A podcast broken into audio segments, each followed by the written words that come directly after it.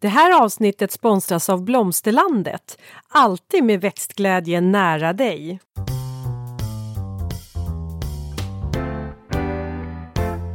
Välkommen till Ulrika och Lindas trädgårdspodd. Och det är jag som är Linda Kylén, trädgårdsmästare. Och det är jag som är Ulrika Levin, trädgårdsdesigner. Och i dagens avsnitt, kära lyssnare, så ska vi faktiskt djupdyka i konsten äh, att skapa och sköta om en prydnadsträdgård. Eh, och Linda, kan inte du beskriva var vi är?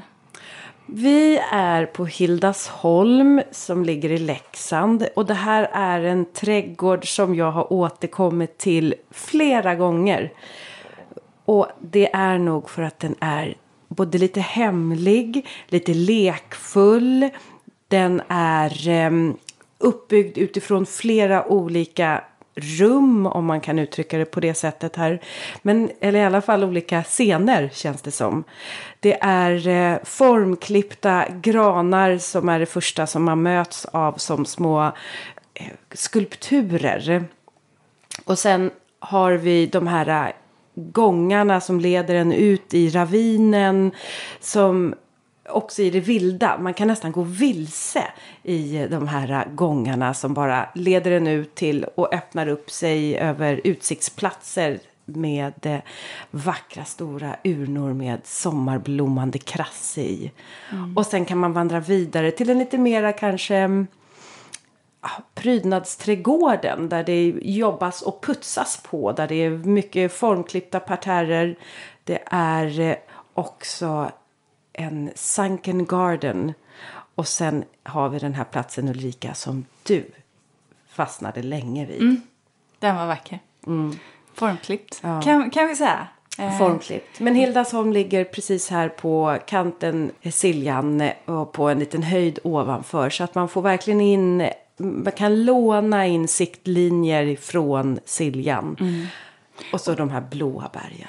Och eh, det här, vi ska ju få eh, faktiskt möjlighet att prata med trädgårdsmästaren här på Hildasholm alldeles strax. Men du nämnde ju Siljan. Ja. Och det här är ju någonting som jag tycker är så speciellt eh, med Dalarna. För du har ju också älvar och den här eh, fantastiska sjön. Och jag tycker att landskapet här uppe är så det är så vackert. Och nu har ju du faktiskt införskaffat badkläder. Ja, eller i alla fall, jag har lånat en t-shirt. Ja, ja. lite wet t-shirt. Vid badet ja, blev det. Men det är ju som sagt det är ju fortfarande otroligt varmt här. Mm. Upp mot en, eh, ja, närmare 30 grader snart. Eh, så att, eh, ja, det har varit skönt att bada. Men jag tänkte på en sak där när vi har pratat om resor och så har du något sånt här lite, lite roligt badminne, Linda? För vi har konstaterat att vi är väldigt olika vad vi tycker om vatten egentligen. Ja, du doppar dig och jag hela dig och jag doppar mina fötter. Mm. Ja, mm. ungefär där. Mm. Nej men vet du vad, jag har ett ganska roligt minne och det är ett minne som, eh, eller minne och minne, men det är en historia som jag tycker är så jädrans rolig. Ett par vänner till oss var i Grekland med hela sin stora familj och då var det syskon och syskonbarn och föräldrar och mor och farföräldrar. Och de var iväg ut och snorklade. Och sen är det ju så här när man är ute och snorklar då lever man ju in sig i den undre världen. Alltså man, man lever ju som en lilla bubbla när man snorklar runt där och märker inte så mycket av omvärlden. Det vill säga så märkte inte den här lilla systern som då var i 40-årsåldern att resten av familjen snorklade in mot land och gick upp och satte sig på stranden. Så hon var ensam kvar i vattnet och snorklade runt. Och så fick hon ju syn på sin, som hon trodde, storebror, också 40 plus, lite längre bort bort och då fick hon lite så här bus i sig. Så hon tänkte jag ska simma fram, snorkla fram och så ska jag dra av honom byxorna. Jättetokigt. Ja, men hon gjorde det. Hon snorklade fram och saken är att hela familjen har ju gått upp. Så alla ser hur hon då ivrigt snorklar på mot den här äh, främmande människan. Men hon tror det är sin bror. Och så rycker hon av byxorna och han drar in en kallsup, för han snorklar ju den här mannen. Han drar in en kallsup och du kommer upp. Och tänkte, vad i helvete är det som händer? Och då ser ju hon att det var inte hennes bror, utan det här var en arg tysk. Men gud! och hon sa lite Well, sorry, I thought you were my brother. Eh, vilket också var lite Det märkligt. låter då att hon- jättekonstigt. Men det var lite så här syskonbus. Ja, ja. Och hela familjen ser ju det här hända. De sitter ju uppe på stranden. De ser hur hon tar sig närmare den här tysken. Och hur han höll på nästan och... Ja, Men med- vad, vad, vad, vad, liksom, vad gjorde hon av badbyxorna då? Var det så här, varsågod?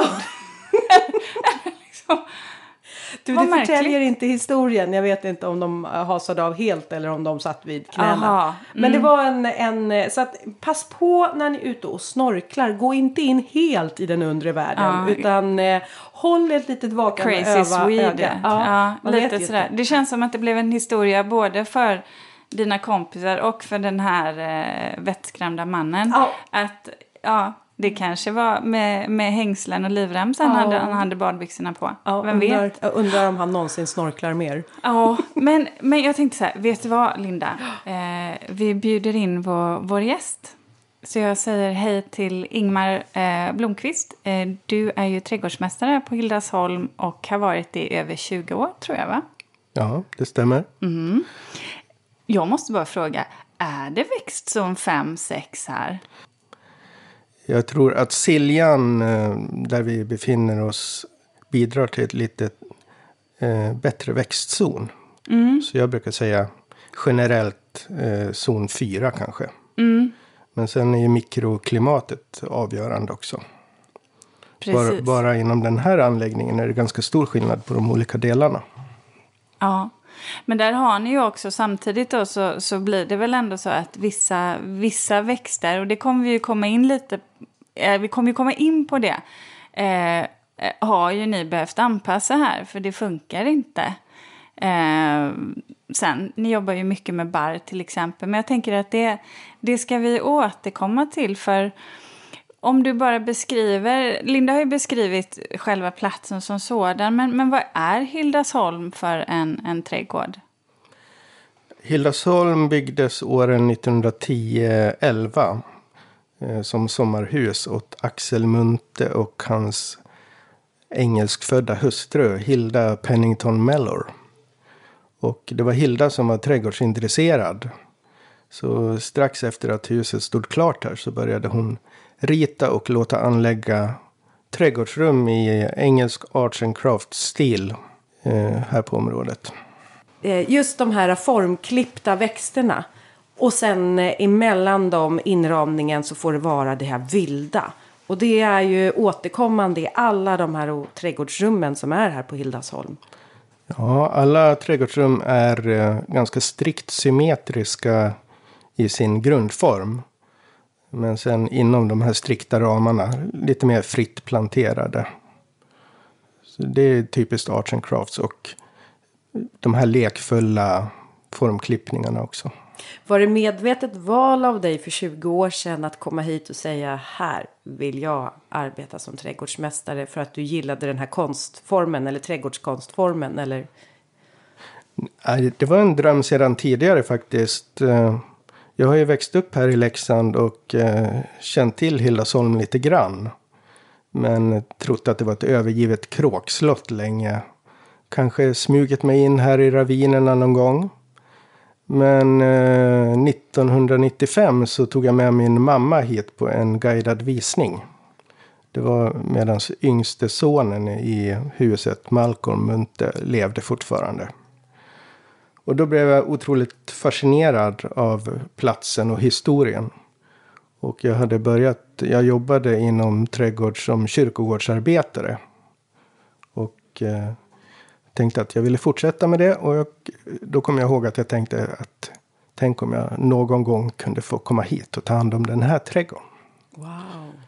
Och sen några år senare så såg jag i tidningen att eh, huset var rustat här och nästa steg i upprustningen var att eh, fokusera på trädgårdarna. Så då tog jag kontakt med stiftelsen som numera äger det här. Och, eh, så det var bra timing. Jag hade precis flyttat tillbaka till Leksand. Då.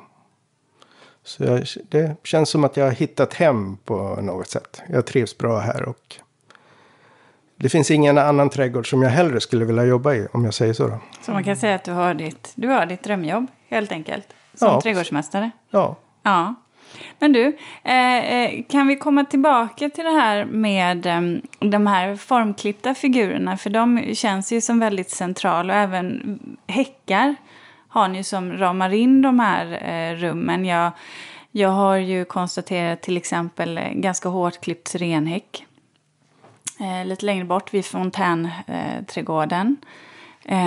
Och mycket barr, liksom gran och ni hade ju någonting, ni hade ju buxbomsparterrer tidigare men som ni ersatt, ersatte av eh, en annan växt faktiskt. För det funkade inte riktigt i, i det här klimatet.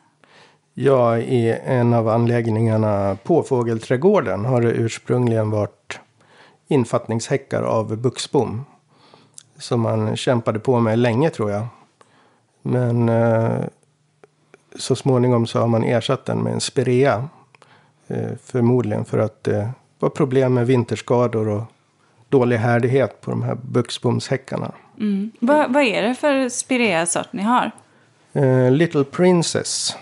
Mm. Liten praktspirea. Ja. Och sen som ni beskär, beskär du den så att säga som en vanlig buxbomshäck eller gör du det, alltså hur beskär ni den? Eh, Numera med en elektrisk häcksax. ja, Och eh, nu, det har jag gjort en gång den här säsongen. Nu börjar det spreta lite skott. Då kan man gå och ta dem för hand. Med en liten handsax. mm, det, Det så. såg vi, ja. Ja, precis. Så när klipper du första gången då? Det kan variera lite men eh, ett par veckor före midsommar kanske. Blir det två, tre gånger? Ja, man får hålla efter den. Ja ja. Sen granhäckarna har ni ju många av. Ja, särskilt vid eh, entrén. Eh, när man kommer in på gården så, så går man mellan två granhäckar i, som är planterade i vinkel. Eh, mot, de viker av mot flygelbyggnaderna.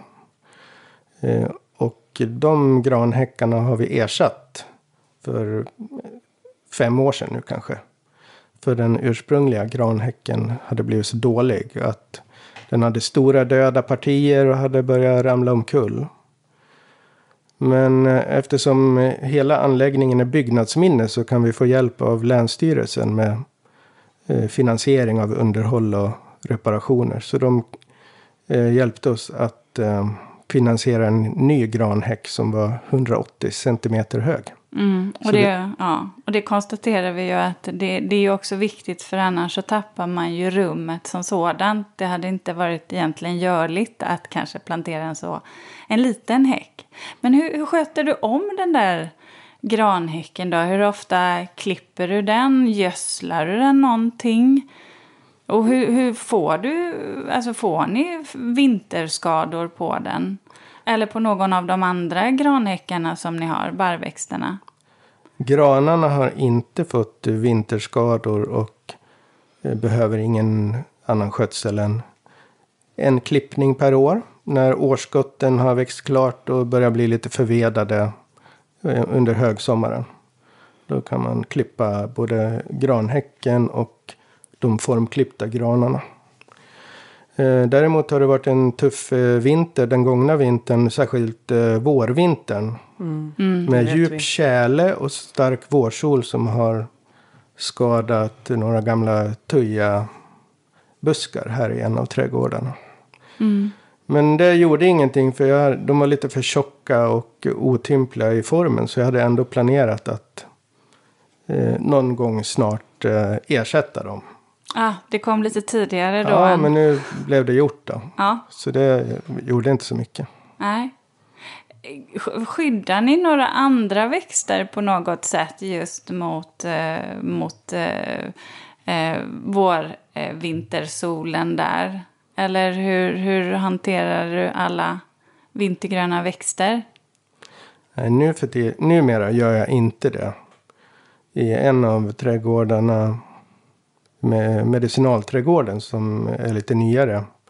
Där har jag till och med planterat buxbom eh, som är klippta som klot. Ja, just det, det hade du. eh, de skyddade jag till en början på vintrarna. Men det var många år sedan. Och eh, de klarar sig bra nu, helt utan skydd också. Mm. Du vågar satsa Ja. på buxbomar. Är tillväxten lika bra? Bedöm. Det kanske är svårt att säga eftersom du inte eh, bor någon annanstans. Men eh, Du jag tänker... tänker på buxbom? Ja. Eller? Nej, jag, kan, jag har inte så stor erfarenhet av buxbom tidigare heller. Utan, och de här håller jag som ganska små klot. Mm. Jag, jag tänkte också på den här senast, det är den senaste anlagda delen. Och det var medicinalträdgården. Ja, just det. Men du sa att du inte hade så, alltså medicinalträdgården fast du snarare har ni återskapat den efter, kanske inte att ni ska använda kryddorna utan mera som, vad sa du? Du, är- Hildasholm drivs numera av en stiftelse. Och, men ättlingar till Axel och Hilda Munthe finns kvar och eh, deltar i arbetet. Och ett av de här barnbarnen ville, liksom eh, med tanke på Axel Munthes eh, verksamhet som läkare och han var även apotekarson. Eh, att vi skulle anlägga en medicinalträdgård här. Där det tidigare bara var en tom gräsyta. Och när jag anlade den så tänkte jag lite också på mytologi och folktro. Och, och många av de gamla medicinalväxterna har en väldigt lång historia med eh, ganska intressant mytologi. De nämns i urgamla källor som egyptiska papyrusrullar eller till och med kilskriftstavlor. Och i Bibeln också. Så lite sånt tycker jag är spännande att Har det, ta upp och varit, prata om. har det varit så att du var tvungen att byta ut några växter som inte har klarat sig som du hade i din vision? I medicinalträdgården. Ja, vissa växter är ju lite ömtåligare så att man kan by- få byta ut dem ibland. Men vissa vintrar går det bra. Men eh, man har en beredskap för att eh, det inte alltid funkar. Som nu i våras eh, konstaterade jag att salvian hade dött till exempel. Så den har vi fått ersätta. Ersätter du den med en annan växt, eller, alltså växtslag, sort eller, eller växtslag eller med en annan bara salvia? Ja, jag planterar ny salvia. Ni vågar er på igen. Ja, för det mesta så klarar den vintern. Men eh, här i Dalarna i alla fall var det en tjock iskaka kvar efter vintern. En decimeter säkert. Hård iskaka och djup tjäle. Så det, vissa växter har tagit stryk i Men så, så, så är det, för det märkte jag i Mälardalen också. Det har jag konstaterat både i min egen trädgård och hos andra kunders trädgårdar. Eh, att det var väldigt, väldigt speciellt i år. Just med det där istäcket, det där, vi hade ju i Mälardalen hade vi ju på många ställen barmark också. Och sen blev det nästan som så att när det skulle tina sen så blev det så märkligt så att det nästan som att jorden blev vattensjuk. Så att det, blev, det kändes som att det blev en sån enorm frostsprängning. För många perenner som normalt klarar sig Ja. dog, har dött. Och framförallt de här som vill ha det här lite mer väldränerade. Så jag har haft kunder där vet, 40 lavendelplanter bara rök. Eller gamla så här härdiga smultronsplanter som har hållit i sig eh, och som bara dog. Så att det var, det, var verkligen, verkligen speciellt eh, i, i år. I, under där eh, vårvintern. Det hände något. Så vad, om man då pratar om mikroklimat och här på Hildasholm har ni ju många olika trädgårdsrum. Vilket trädgårdsrum skulle du säga är det varmaste? Och varför tror du att det är det varmaste? Vi har eh, de äldsta delarna som är muromgärdade och har husväggar och eh, en hög granhäck som skyddar från de flesta väderstreck. Eh, där är det ju ett, eh, ett eh, gynnsamt mikroklimat. Det är skyddat från hårda vindar. Och, eh, Medan andra delar är väldigt utsatta för hård vind från sjön till exempel. Så det är väldigt stor skillnad på mikroklimat bara inom anläggningen här. Så den, de delarna då som har de här muromgärdade eller granhäckarna. Eh, kommer de igång tidigare på säsongen? Blir de vackrast först? Egentligen inte för eh, trädgården är inte sydlänt. Den kommer igång ganska sent om man jämför med andra trädgårdar i trakten. Och de här eh, murarna och häckarna de skuggar också. Så snön kan ligga kvar länge. Och eh, nu i våras märkte vi att det var fruset i marken ganska länge också. Så det hämmar ju det här att, att det inte kommer igång så tidigt. Då. Mm. Blir det då att, eh, vi pratade om det ute när vi gick i trädgården där. Blir det så att då vissa år att allt du vet, nästan exploderar samtidigt. För så, så upplever jag ibland när man har trädgårdar som ligger lite längre norröver att man har en mer intensiv eh, blomningsperiod under, under vissa år. För att det blir varmt sent och det kan bli kallt tidigt. Så det är som ett crescendo, verkligen. Ja, det tycker jag nog man kan märka i år till exempel. Var det svalt. Det, det tog lång tid innan kärlen tinade. Och det var ganska kyligt. Men sen kom värmen och då exploderade allting samtidigt. Mm. Och det kan man ju bli lite förvånad över när man har, ifall man jobbar med färgteman. Så här, du vet, man har varit så himla noggrann med att man ska ha vissa färger som går ihop och man har lite lökar och sådär.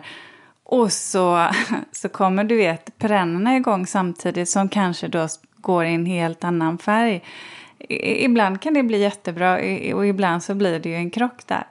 Det, det, har ju hänt, det har jag varit med om att så, så kan det bli. Men du sa också där Ingmar att ni har ju en, eh, ni öppnar ganska sent, för det här är ju en besöksträdgård. Ja.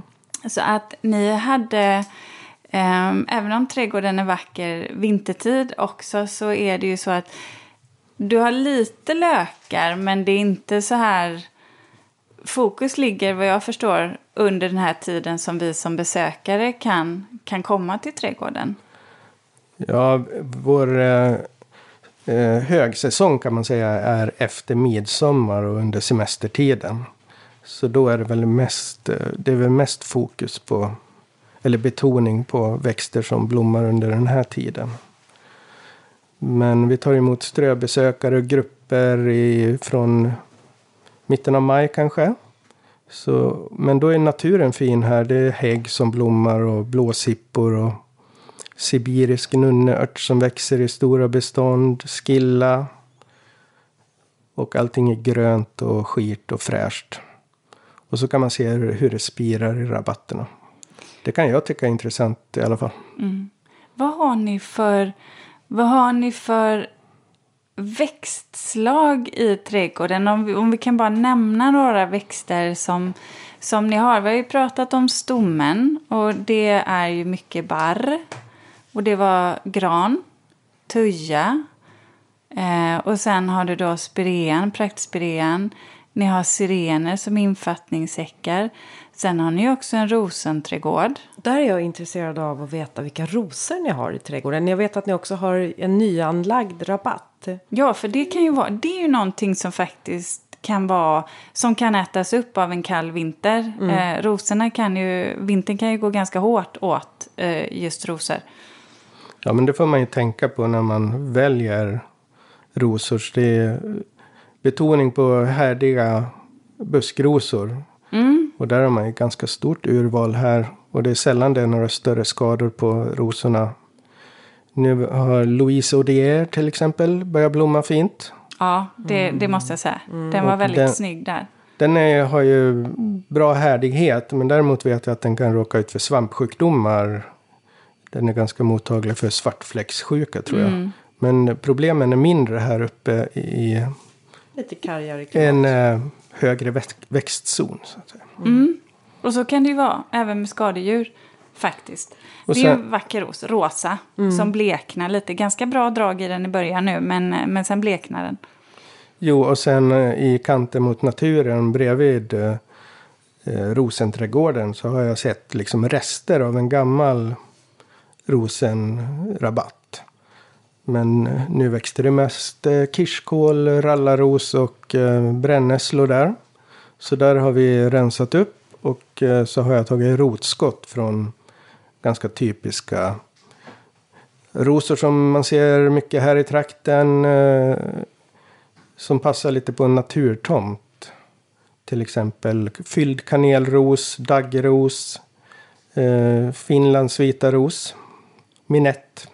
Mm. Som jag tänkte ska få etablera sig där. De är härdiga, skuggtåliga, anspråkslösa.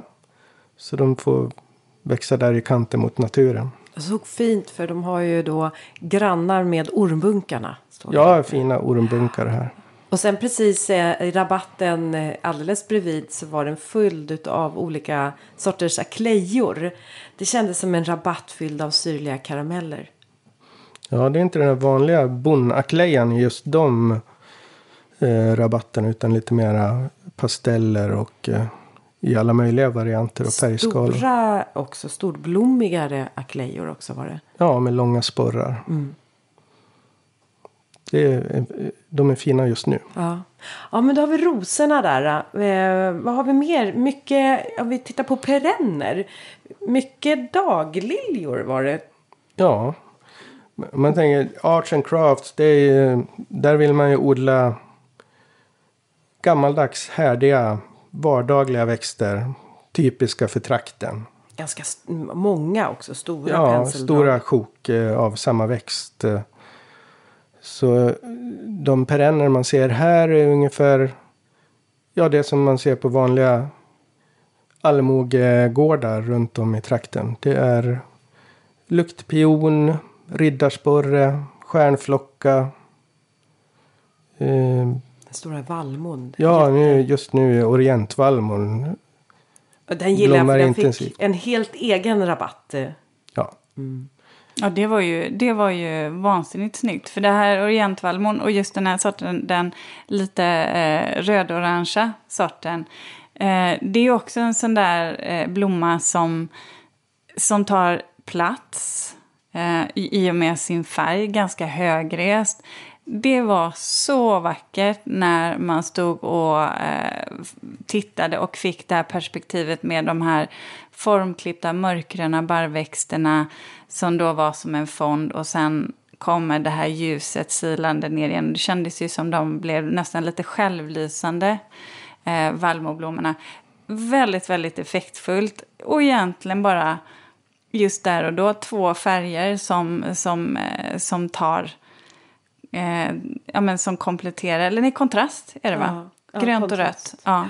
Som, eh, det, var, det var snyggt alltså. Och, och, det, och alldeles snart så syntes det ju också att pionerna, luktpionerna börjar slå ut. Mm. Och då är det de som får vara den i blickfången. Ja, i den här värmen så blommar ju vallmon över väldigt fort. Det Ja. kan vara över på en vecka. Så det är liksom, Det är en att ko- de- kortvarig skönhet. Ja, Ja. Men det är tur om man har snygga frökapslar. ja. Ja. Linda, visst är vi stolta över att ha en sponsor till dagens avsnitt? Ja, och det är Blomsterlandet. En trädgårdsbutik nära dig med butiker över hela landet och en e-handel som är öppen dygnet runt. Välkommen! Du, sen har vi Påfågelsträdgården, eh, heter den så? ja. Mm. Där pratade vi också om, eh, är det gull... Nej, det är eh, Höstrudbäcke, ja. höstrudbäckian är den som får en stor eh, gul, nästan boll va? ja. Väldigt höga, gängliga, rangliga stjälkar. Och så en gul boll. Väldigt vanlig allmogeväxt. Den hade vi vid mitt föräldrahem också. Ofta ser man ju den ligga lite på sniskan. Man har dragit något snöre om för att försöka få den att stå någorlunda upprätt. Men då har ni ett smart knep som ni använder av här. Ja, jag spänner upp eh, ett fårnät eh, på ja, horisontellt då, som stjälkarna får växa upp igenom. Som ett växtsäd alltså? Ja, och sen kan man hissa upp det där efterhand. Det funkar ganska bra i alla fall. Om vi tittar på rabatterna, själva uppbyggnaden av rabatterna. Om vi pratar om att eh, ändå få en mikroklimat i sin trädgård i ett kargare, en kargare zon. Så hade vi ju först de här muromgärdade rummen eller med granarna. Men eh, sen har jag lagt märke till att ni har ju väldigt många upphöjda rabatter. Är det också en tanke för att öka på härdigheten? Att det ska bli mer väldränerat, varmare bäddar? Det tror jag säkert. Eh, nu var det så redan när jag kom hit. Men det finns säkert en sån tanke.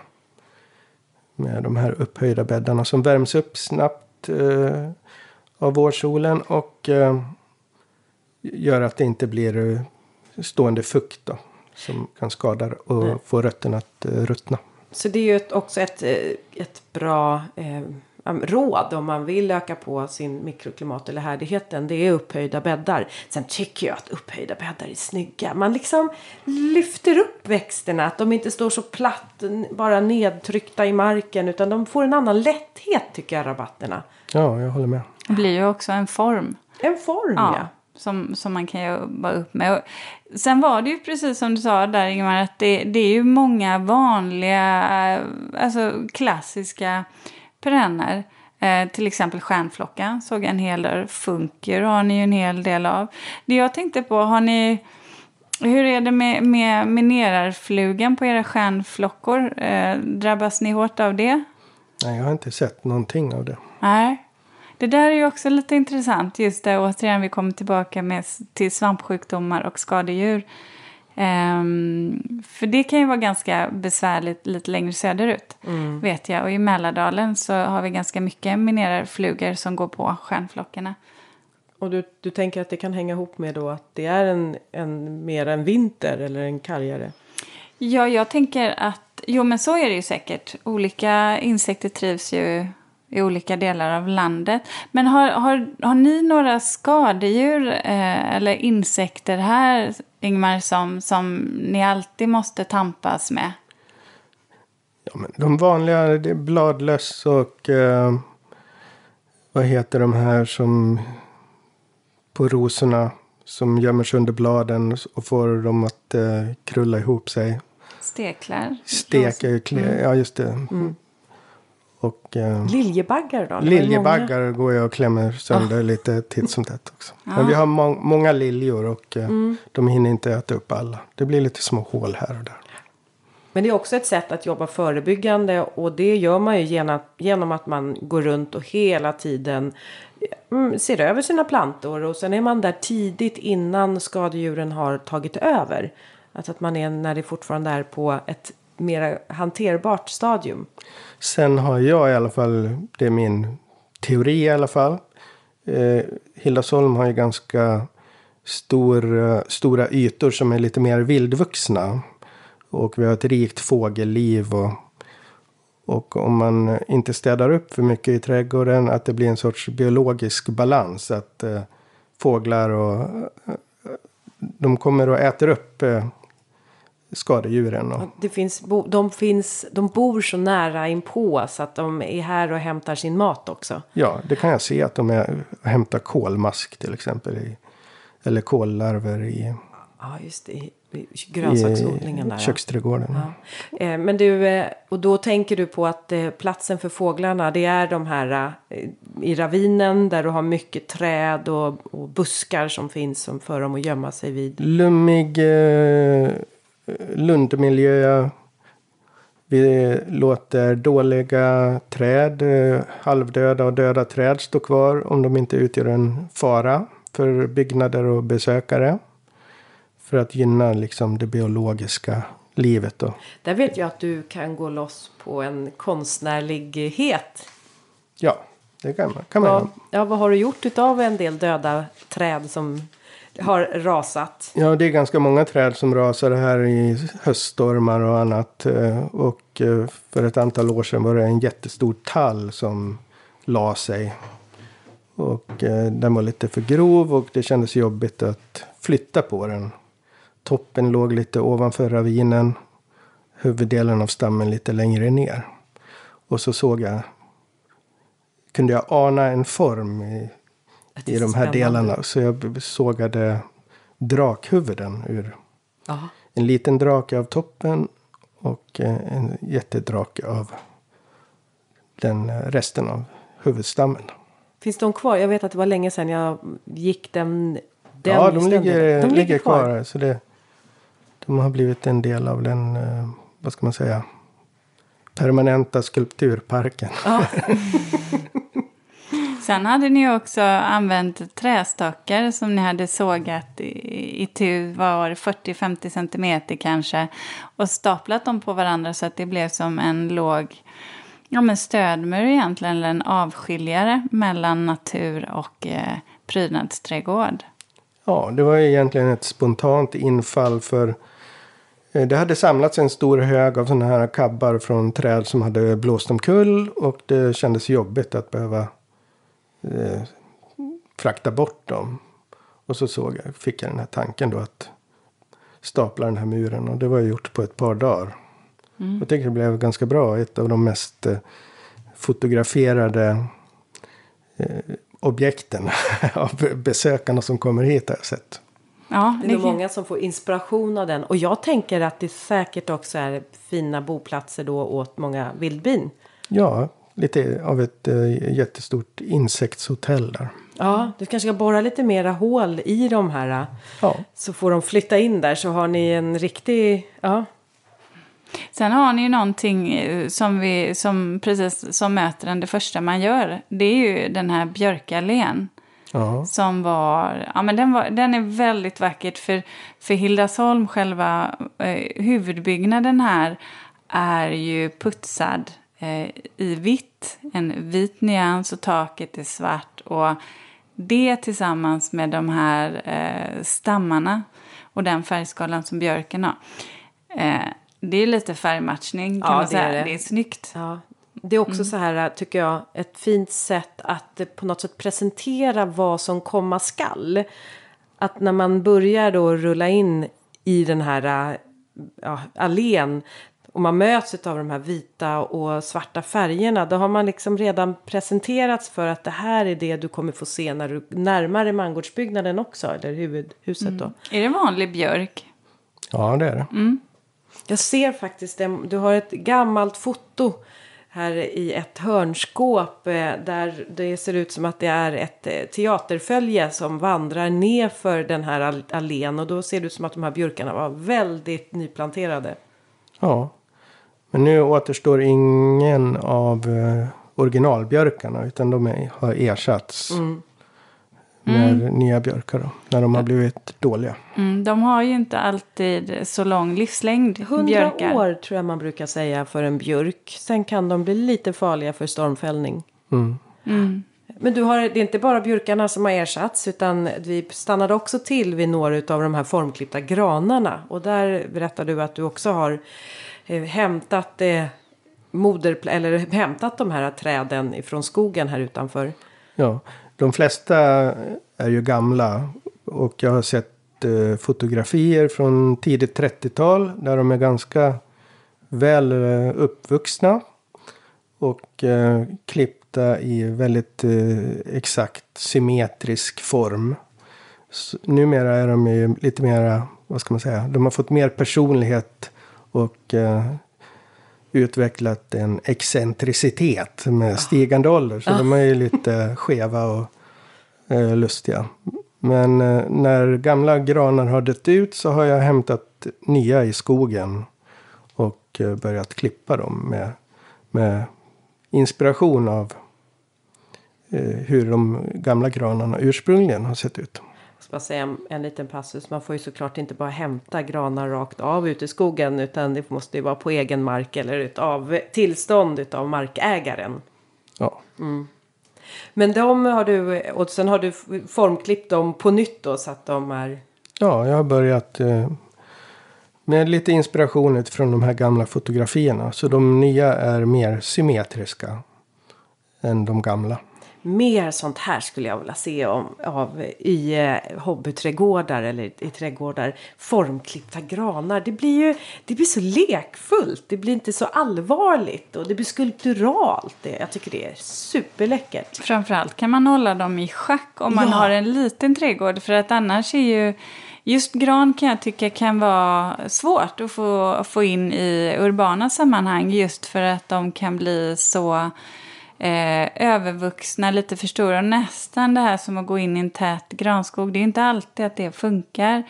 Men så här som ni har skapat det på Hildasholm så är det ju någonting helt annat. De blir så kompakta. De blir ju liksom, Mm. En gran kan ju vara ganska luftig annars. eh, Mm. Och med många, alltså några centimeter eller dec, någon decimeter emellan grenarna. Och sen så kommer nya då luftiga eh, barret. Men här är det ju riktigt kompakt. Du sa när du formklipper dem där att du kan ställa en stege och luta mot själva grenarna. Ja, det är, de är så kompakta och täta så att man kan eh, ställa en, en stor stege mot toppen och eh, klättra upp och klippa dem. De får ju en väldigt fin grön färg också. Ja, för de hålls ju hela tiden i vitala. Alltså att man klipper hela tiden, då som du sa, årsskotten. Ja. Så att de verkligen ser till att hållas eh, i tillväxt. Men jag tänker så här, eh, finns det... Du har ju ändå jobbat här så länge. Finns det, finns det några växter, eh, det kan vara perenner eller buskar, som du alltid ser som säkra kort och några växter som du har testat men som verkligen inte funkar? Ja, eh, säkra kort tycker jag de flesta växterna är. Men däremot har jag försökt att plantera stockrosor i några planteringar här. För jag tycker stockrosor varit är fint. snyggt här. Ja. Men det har inte, de har inte funkat. Men eh, det är stockrosrost då som de angrips av. Så jag har släppt det. Och sen, ja, kanske jag har dåligt minne, men eller också lämnar jag eh, dåliga erfarenheter bakom mig. Så jag, Bra egenskap. ja. Så ja, så då, då, då är det inte så mycket som man behöver ersätta. För det jag tänker på är just det här, att, och det tror jag alla eh, trädgårdsägare eh, eller om man eh, har eh, offentliga trädgårdar råkar ut för. Det är ju just det här med perennerna. Att de går ut, att någon dör under vintern och så ska man ersätta det. Men har man då en besöksträdgård så, så är det ju ibland lite svårt att veta när det är en kall vår innan allt har kommit fram. Vad är det som är dött? Och så ska man då hitta ersättningsväxter. Jag vet ju, ja men till exempel i min egen trädgård så vet jag att ja, men det är alltid någon nepeta som kanske har försvunnit under vintern eller det kan vara någon lavendel. Så att jag brukar ofta vara lite beredd på det och, och handla in så att jag vet att jag har Ersättningsväxter. ersättnings. Eh, inte om mycket dör, då får man ju ta det. Men, men jag tänker i en besöksträdgård så blir det lite viktigare än vad det kanske är i min privata trädgård. Här, här vill man ju ändå att det ska vara tipptopp när, man, eh, när besökarna kommer. Och då är det... Hur tänker du där Ingmar? Har du en bra leverantör så att du vet att ja, men de, de kommer man kunna, de kommer alltid ha lite växter som du kan handla av eller ser du det är du, får du göra som, som de flesta andra, åka till en handelsträdgård och det shoppa? väldigt sällan att jag köper några växter överhuvudtaget. Träd och buskar kanske. Men eh, en del perenner mår ju bra av att man föryngrar dem ibland genom att det delar dem. Och, eh, och att man har lite förutseende på det sättet. Eller sår. Har plantor i reservberedskap. Köper väldigt lite plantor, nästan ingenting. Faktiskt. Enstaka växter bara. Men som de salvierna där som dog, var det, då behöver man ersätta? Ja, då åkte jag till en handelsträdgård och köpte. För då, då hade jag inte räknat med det. Nej. Jag hade liksom blivit lite invaggad i trygghet att det brukar funka. De klarar det här. Ja. Eller ibland har jag faktiskt eh, förkultiverat också. Haft nya plantor på gång. Mm, Men och det kan man ju göra med, ja. Mm. med till exempel lavendel och ja, nepeta. Man får göra så. Och poängen är ju så i en trädgård. Det är inte meningen att man skolar växter som inte, som inte klarar sig, som man behöver ersätta år efter år. Då, då tror jag att man behöver titta på en annan växt. Det är ju helt rätt. Vi har ju en kant med lavendel i rosenträdgården. Som, en vinter så var nästan alla döda. Men då eh, hade jag sått eh, nya. Det finns ju vissa sorter som är ganska enkla att eh, frö så och eh, de växer till sig ganska snabbt också. Hur skulle du säga att du annars skyddar växterna för, för vintern? Behöver du göra det? Eller får man ett säkert snötäcke här uppe? För det mesta. Jag, i, när jag var lite ny här så var jag ju mer ängslig och eh, då höll jag på och täckte med ormbunksblad och skyddade. Men sen har jag efterhand övergett det mer och mer. Så numera finns det väl egentligen ingenting som jag skyddar. Utan det klarar sig rätt bra ändå. De nyplanterade tujorna, Ja, får de de, kommer- kanske lite skydd för vårsolen nästa år? Ja, absolut. Vad är, hur, hur, alltså hur använder du för att återföra näringen? Har ni egen kompost eller är det, får ni någon typ av stallgödsel? Eller hur, hur, um, hur hanterar du det? Både i prydnadsträdgårdarna, eh, som vissa, till exempel rosträdgårdar som kanske behöver ha lite mer gödsel kontra ni har ju också en eh, grönsaksträdgård va? Du odlar ju också lite. Ja. Vi har, jag har en bror som är eh, bonde och eh, har nötdjur. Och han brukar köra hit ett eh, rejält lass med kogödsel. Det gäller att ha bra Titt kontakt. som tätt. Så, ja. så det har vi och eh, förbättrar jorden med. Och sen slänga på lite hönsgödsel till växter som behöver lite extra skjuts. Sommarblommor och kål. Och... Så det är väl egentligen bara det. Är du strategisk där eh, när du gödslar med hönsgödsel? Att det är när ni, om ni har stängt, eh, ni har ju inte stängt under säsongen någonting, men jag tänker det är, det är ju doften där om man kommer in här som besökare och vill åh, mötas av väldoftande rosor eller och så har, har Ingmar varit ute och gödslat med hönsgödsel. Ja, men det händer nog att det Ja. går och stänker på, eller slänger på lite i rabatterna även medan besökarna är här. Men det är alltid bra att gödsla annars vid regn. Ja. Eller vattna och mylla ner lite. Ja, exakt. Vi, hittade, vi märkte ju ganska snabbt här att eh, du och jag, vi, vi fastnade för olika delar. Eh, det är ganska tydligt där att man kan hitta sin plats i, mm, i en utemiljö. Eh, och då tänkte jag ställa frågan till dig Ingmar, av, av alla de delarna på Hildasholm, vilken är din favoritdel och, och varför? Det kan variera ganska mycket beroende på vilken tid på säsongen det är och vilket väder det är. Eh, en, en dag med snålblåst eh, från Siljan. Då är de här skyddade muromgärdade trädgårdarna väldigt behagliga att eh, jobba i. Eller starkt solsken och lite mer skugg, skuggade partier.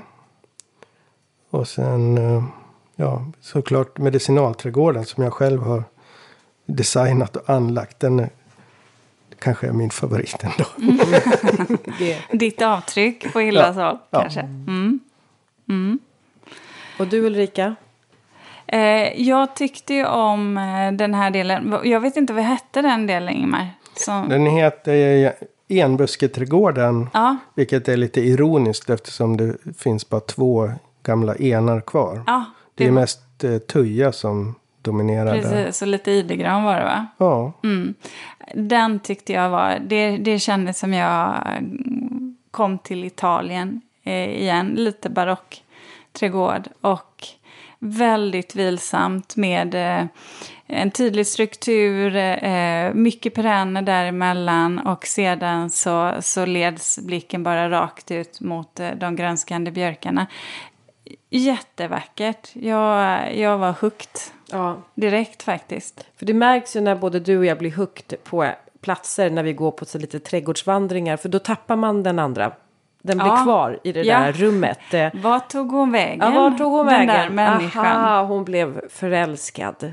Ja. Ja, men det där. Jag, jag tyckte det där var typiskt en sån där trädgård där jag känner att jag behöver inte tänka. Det är tänkt åt mig och jag kan bara uppleva det. Tydliga väggar, struktur, men ändå sen den här yvigheten i perenner. Jag kan tänka mig att när, nu hade faktiskt inte perenner börjat blomma, pioner, stjärnflocka och så där vidare, utan nu var det mesta väldigt grönt. Men alltså grönt, det är en underskattad färg. Mm. Har du mycket form runt omkring så, så, så lyfter det mycket. Och du behöver inte ha in så mycket andra blommande. Utan du de får... då, Linda? Ja, ni tappade bort mig eh, här borta i uh, ruin, eller ravinerna. Eh, En, eh, ni gick iväg där och då så tappade ni bort mig i gångarna som eh, var... Vad var det för mark? Det var flismaterial på gångarna. Och sen så var det de här höga träden och buskarna. Så man gick som i en grönskande tunnel. Och så var det eh, små ringlande stig. Så man visste inte vad som väntades bakom nästa krök. Jag tycker det är jättespännande. Jag blir som i min barndom. När man var liten och träden var stora och man kunde bara nästan gå vilse. Det tänkte jag faktiskt på. Eh, att jag tyckte att Hildasholm är en bra barnbesöksträdgård också. Här kände jag, som ändå har haft fyra knatar och dra runt med, eh, att det kändes som att det fanns ytor som var spännande och öppna och där man också, ja, det var helt okej om ett, ett litet barn sprang runt lite utan att någonting kan gå sönder eller Ja, men förstå när man är där borta och så går man lite vilse och så Ja. kliver man rakt in i gapet på en drake ja, i ett träd. Alltså den fantasin som triggas igång. till, tillåtande. Tillåtande. Eh, och det tycker jag är ganska mysigt för just det där att, att även få med sig eh, barnen Mm. in i trädgården. Eh, eller besöksträdgårdar när man som familj, om det är någon som är intresserad av just trädgård. Jag gillar ju trädgårdar, precis som här på Hildasholm, som får mig att ändra hjärtfrekvens. Där Ja, jag ena fattar. stunden får puls och känner så här, oh det här är spännande, upptäcker andan. För att nästa stund blir väldigt så här, "Ah, men här går jag ner i varv. Och, och kanske för liksom, tredje att jag mera blir mer tänkande. Men att den, då blir man ju berörd utav platsen. Någonting som jag eh, tänkte på, Linda, som, som faktiskt också eh, Göran hade eh, nu i, i sin trädgård. Eh, som är ganska typiskt brittiskt också. Ah, nu vet jag precis vad du är ute efter. En sunken garden. Ja, Ah. det finns ju även här faktiskt. Och en sunken garden, det är precis det som, Eh, så som det låter. Det vill säga att man har grävt ur och sedan är så att säga sittytan. Den kan vara ovanför eh, eller den kan vara lite längre ner att man sitter där. Men det är, det är verkligen som, som en trädgård eller en sittplats i en grop nästan kan man säga. Oftast ganska stram. Ehm, behöver ju inte vara det. Kan ju vara lite mer organisk också kan bli ett ganska mysigt kryp in och kanske just där man inte kan få perspektiv. Eller det kan vara lite extra blåsigt. Då vet jag att då brukar jag ibland också sänka ner uteplatserna. För då är det bättre att komma i ett lite mer skyddat läge. kan också vara ett gott råd till någon som vill skapa en, en trädgård i ett kargare klimat. Absolut. Gräv ner uteplatserna. Bra sätt att jobba med nivåskillnader också ibland. Faktiskt. Och precis som Göran sa igår, gräver man ner så bygger man en kulle också. ja, Om man sparar jordmassan. precis. Det kände jag lite så här wild and crazy. Jag hade nog strukturerat upp det lite grann. Du hade planat ur kullen? Ja, Nej, nej, då, det, hade inte vet jag Nej. inte. Men eh, grop och kulle, det är liksom två. Ja, hur ska det hänga ihop? Det får vi nog fundera lite på. Så är det.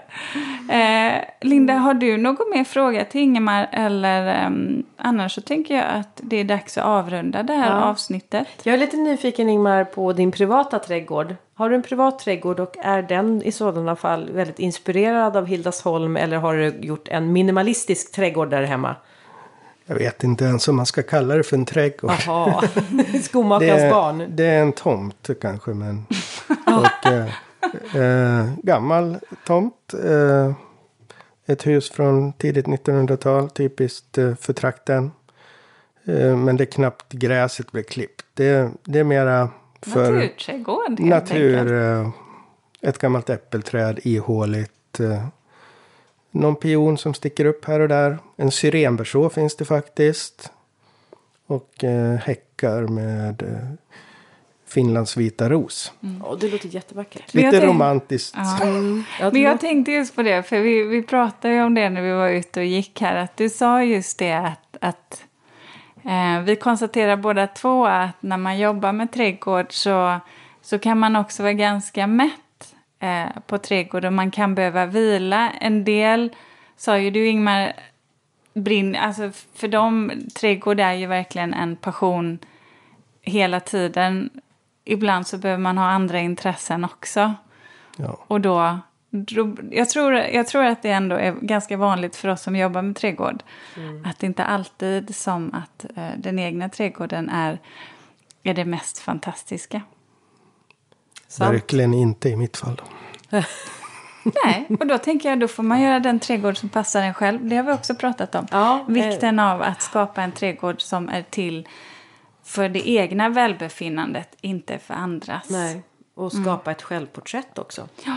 Linda, eh, har, har du, får du några tankar eller några, några så här Funderingar? men en reflektion som jag har är ju ändå att natur, att jag trivs så bra i, i naturen eller som i den här trädgården här på Hildasholm. Det är ju för att mig veteligen så finns det inga raka linjer i en trädgård. Eller alltså i naturen ska jag säga. I en trädgård finns det raka linjer, men i naturen. Kan det stämma? Att det inte finns några raka linjer. Stammar kanske på träd. Ja, de är väl aldrig helt raka heller i och för sig. Eh, men jag förstår. Det är ju inte som en, en eh, husvägg eh, Nej, där du har ett element som sticker. nej, utan det är väldigt organiskt. Ja. Ja. Men nu, kom, nu vet du ju att det där, du landar i det Linda. Du vet ju att det finns raka kurvor. Ja, just det. Jag vill Ja, aldrig det. vi landar i det. Den, den, det ska vi testa idag. Ja, Vet du vad? Nej. Det ska vi göra ikväll. en rak kurva. Ja, nu ska jag visa dig hur det där funkar. Oh, det, här, det här behöver vi nog ta och dokumentera tror jag. Ja. Ja, bra. Eh, jag kan bara konstatera att eh, klassiska trädgårdsknep eh, funkar i alla lägen. Det vill säga struktur, form, men också kontrasten mot det vilda. Upphöjda odlingsbäddar. Ja, och vindskydd. Vindskydd för att skapa ett mikroklimat och väl då rätt typ av, av eh, växt för att skapa det här vindskyddet. Granhäckar tycker jag har fått en helt ny innebörd efter att ha varit här på Hildasholm. Och mer granhäckar garn. kanske än Gran. mindre tuja-häckar. Kanske. Kanske. Eh, och då, eh, då är det dags att avrunda eh, för dagen. Ingemar, stort tack för att du har varit med oss idag. Tack, bara trevligt. Nästa vecka så blir det också ett spännande avsnitt. Då ska vi träffa en trädgårdsantikvarie och prata trädgård, gammal trädgård från 1800-talet. Tysk stil. Tysk stil, ja. Det ska bli spännande. Ah, Ja, så häng med oss på, på resan vi så hörs fortsätter. vi. Vi, vi styr kosan vidare. Mm. Ja. Tack för idag. Tack så mycket. Hej då på er. Så. Får du gå ut och, och fota de här eh, vallmorna? Vallmos kronblad i slow motion. Ja. Det, det kom till mig. ja. Ja.